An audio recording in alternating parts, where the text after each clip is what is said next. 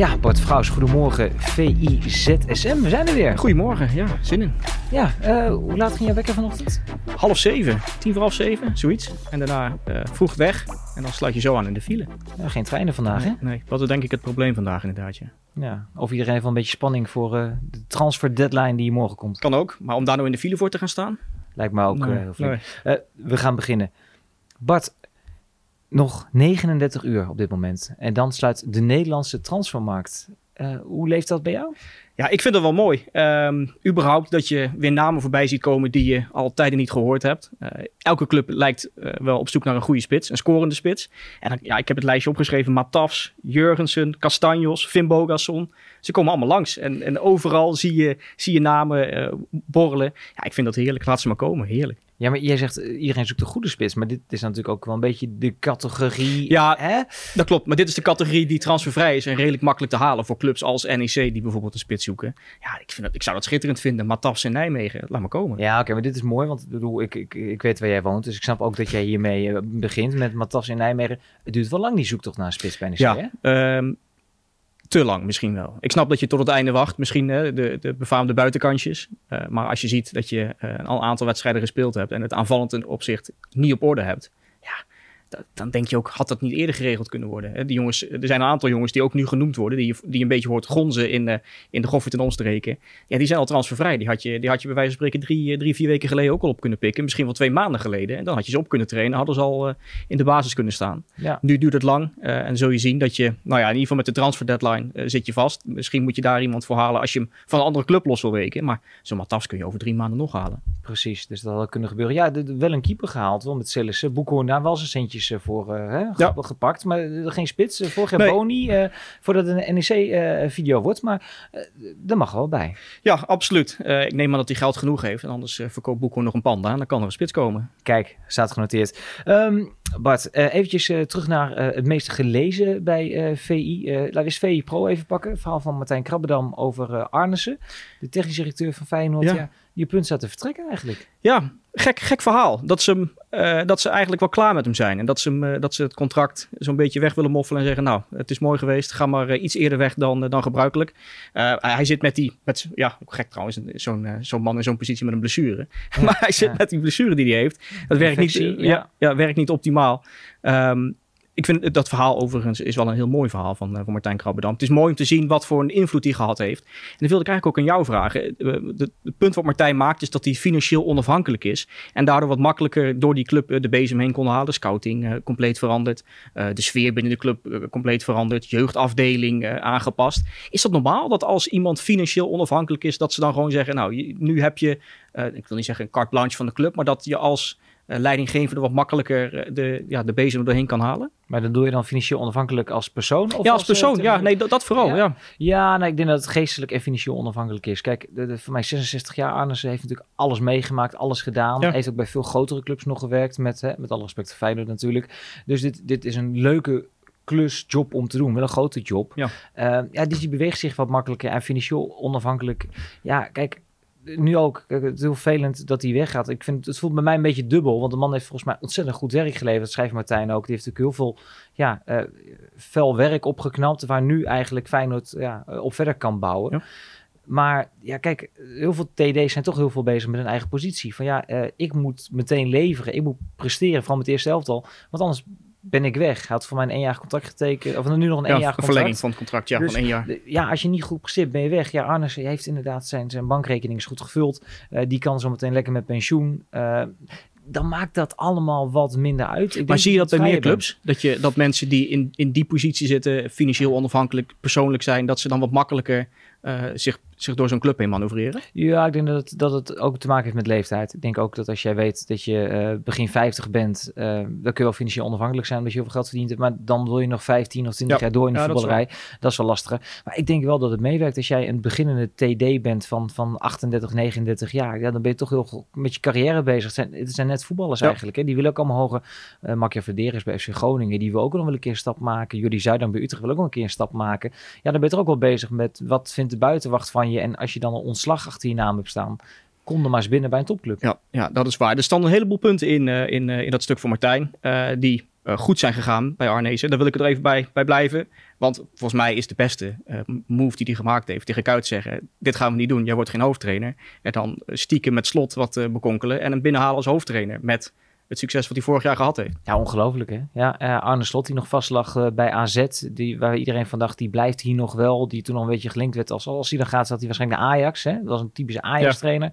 En die in het geheim toen met AZ ging, uh, met Feyenoord ging praten en uiteindelijk naar de Kuip ging. Nou, en hebben we gezien wat de hand van de trainer wel doet. Er zijn heel veel mensen, ik weet niet jij erin staat Bart, die zeggen een trainer is een passant, heeft niet zoveel impact. Ik denk dat Arne Slot toch tot nu toe bewezen heeft wat een trainer voor een verschil kan maken bij een club. Ja, absoluut. En zeker met zijn voorgangers. Als je dan het verschil ziet met wat, uh, wat Slot uh, teweeg heeft gebracht in Rotterdam, ja, dan, dan kan je dat beetje cliché is dat toch wel. Van de trainer is maar een passant en niet altijd, uh, niet altijd van grote invloed. Ik kan het wel een beetje weggooien, lijkt mij. Dat lijkt me ook. Nee, maar dat, ik denk uh, dat je gelijk hebt dat dat misschien wel zijn, uh, zijn grootste wapenfeit is geweest. Het aanstellen van Arne Slot. En verder ook de scouting en dat soort zaken. De, de Feyenoord heeft wel een basis wat op verder kan. Ja, mede dankzij Frank Arnes. Maar als ik het verhaal van Martijn mag geloven en waarom zouden we dat niet doen, dan zijn ze wel bezig om het contract op te zeggen. En wat wel interessant wordt, hoe de nieuwe structuur van Feyenoord er dan uit komt te zien. Hè? Want het zou zomaar kunnen zijn dat er geen TD meer komt, maar dat, dat de organisatie op de schop gaat. Ja, en dat is wel gek als je weet wat hij nu gedaan heeft en hoe goed dat ging.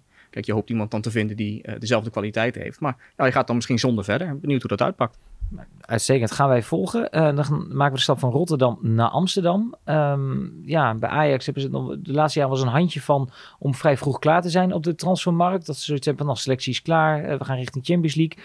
Ik sprak toevallig net collega Freek Jansen nog even. Die zei van, nou, dit kan wel eens tot morgenavond laat nog wel druk worden in Amsterdam.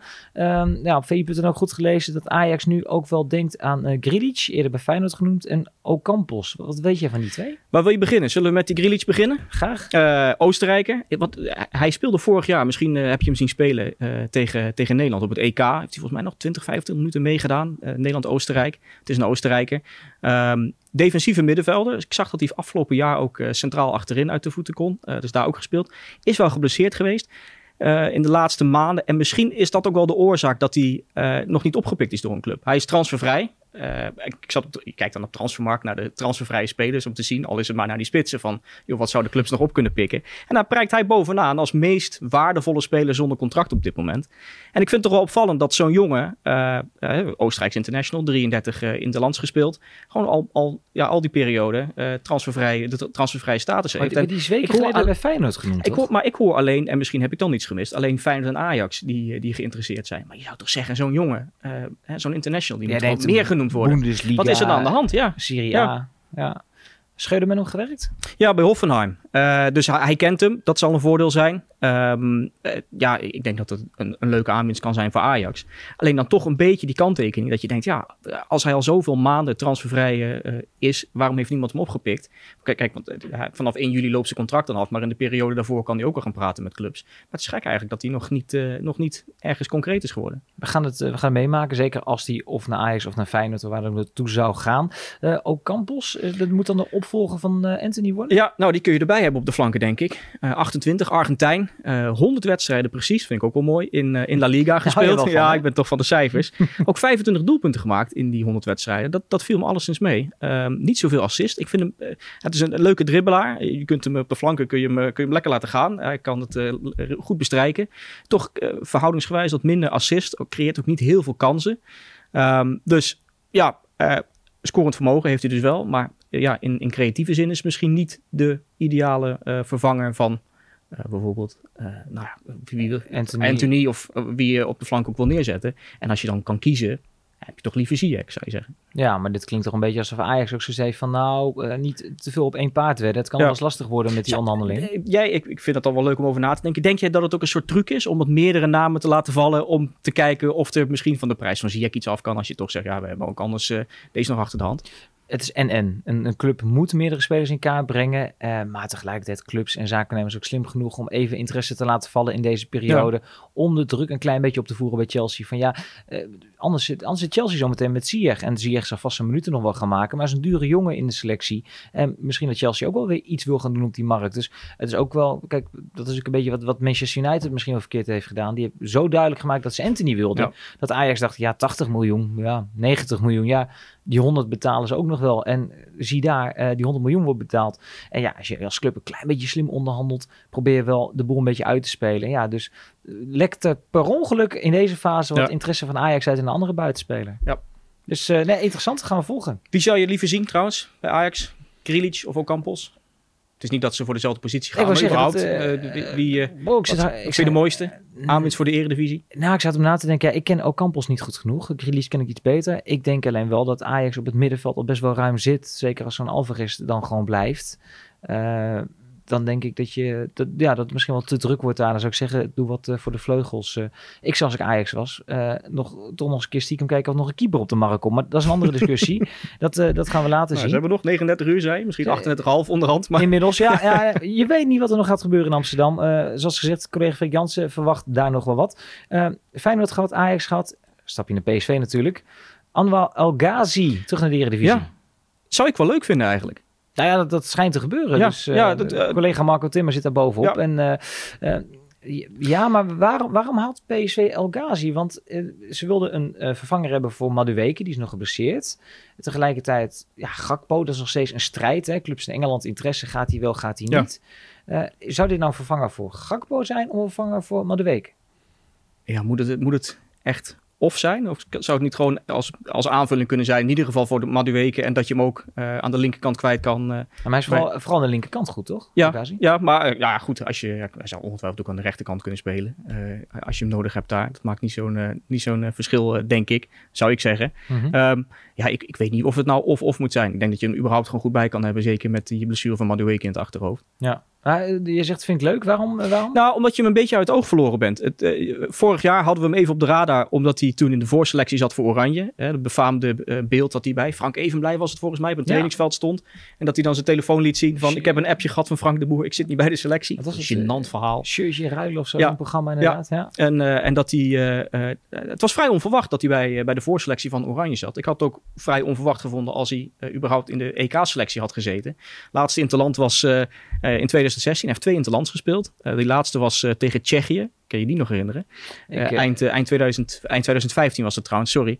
met het oog op het EK van 2016. Wedstrijd in de Arena, 3-0 achter, 3-2 teruggekomen. Eigen goal van Van Persie. Nou, uiteindelijk viel het als een kaarthuis in elkaar. en plaatste Oranje zich officieel niet voor het EK. maar dat was ook zijn laatste interland. Wat ik zo leuk vind, Bart, wij nemen dit op voor video. Dit is ook een podcast, hè? En het grappige is, ik zit te denken, ja, die wedstrijd, ja. Dit, dit komt uit je hoofd, hè? Dit, dit, dit, je, je hebt het niet ah. opgeschreven. Nee, maar je, dit, dit, dit, noem je zo op. Dit lepel je zo op. Ik vind dat uh, fascinerend. Maar inderdaad, uh, kaarthuis aan elkaar. Dat weet ik nog wel. Ik ben altijd maar daar was hij dus bij. En, en dat was zijn laatste interland. En daarom was het überhaupt verrassend dat hij, uh, dat hij bij de voorselectie zat vorig jaar. Toen heeft hij niet gehaald. Nu ja, ik, ik, zeg niet dat hij als hij nu, uh, wat is het, een wedstrijdje of tien nog speelt voor het, uh, voor het WK, dat hij zich in de kijker kan spelen. Maar het is wel een manier om je wel weer een beetje te profileren voor, uh, in, in Nederland in ieder geval. Niet vergeten, hij heeft bijna twee volledige seizoenen aan wedstrijden gespeeld in de Premier League. 73 wedstrijden. Het is, het is wel iemand met veel ervaring. En die, kun je, die kunnen ze in Eindhoven goed gebruiken. Zeker nu Luc de Jong ook nog geblesseerd is, kun je wat ervaring gebruiken. Ja, zeker in een vallend opzicht. Dus dat wordt interessant. we sluiten bijna af. toch even één transfer die ik er even uit wil pikken. Silasso. ja, wat is dat voor verhaal? Even meenemen. Um, Silasso, die, waar kennen we die nog van in Nederland? RKC? Ja, onder andere. Ja. Uh, en heeft de laatste jaren in Sheffield gespeeld. Uh, ja. uh, die was op de radar van Go Ahead. Of van, van de Graafschap. Moet nou wel de goede volgorde nee, zijn. Dat, was de ja. Graafschap inderdaad. De Graafschap zat achter hem aan. dat, dat verhaal is al maanden aan de gang. Eerst dachten ze we hebben hem binnen. Daarna dachten ze we hebben hem niet binnen. afgelopen weekend moest het dan ja, tot de finale komen. hij zou moeten gaan tekenen. De clubs waren er al uit. Daar waren de meeste handtekeningen al gezet. en hij zou dan naar Nederland vliegen. de Graafschap had tickets voor hem geboekt. Hij zou naar Nederland vliegen om bij de graafschap even dat laatste handtekeningetje te zetten.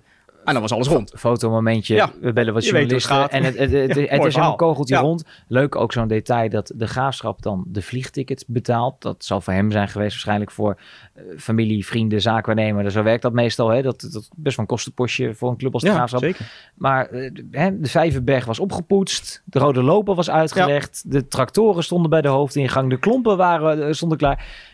En Silas kan niet. Nee, nee hij, uh, ik, ik meen dat hij, was ook nog een mooi detail, dat hij had geappt uh, toen hij uit het vliegtuig stapte van, nou, ik ben er, weet je wel, alles, uh, alles in kan en kruiken, ik kom eraan.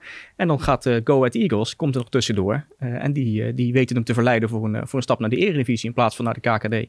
Ja, dat is toch wel een raar verhaal, toch? Of niet? Ja, ook nog iets met een veranderd van zaak we nemen afgelopen weekend. Uh, een beetje, beetje vaag verhaal. Nou, de, de Go Eagles, ik heb er zelf gisteren even contact over gehad. Eerst was het nog van, het is nog niet rond, het is niet zo ver. Ik weet ook dat er contact is tussen de directie van de Graafschap en Go Ahead.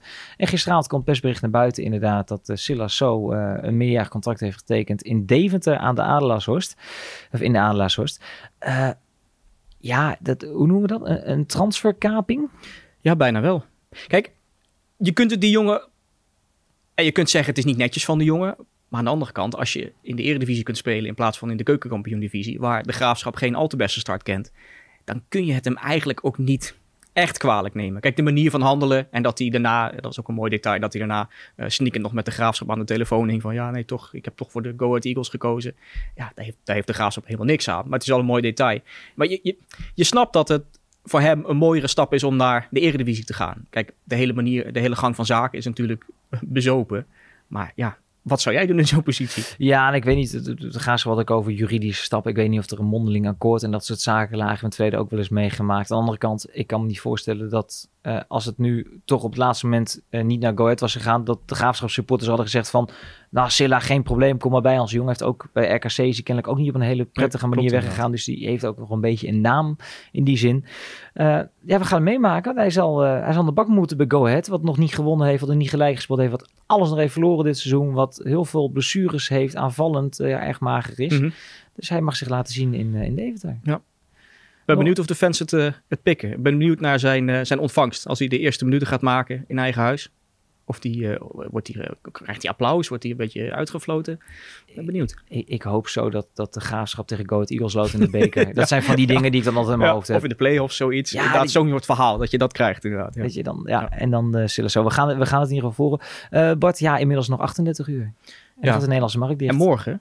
Morgen even teasen. Oh.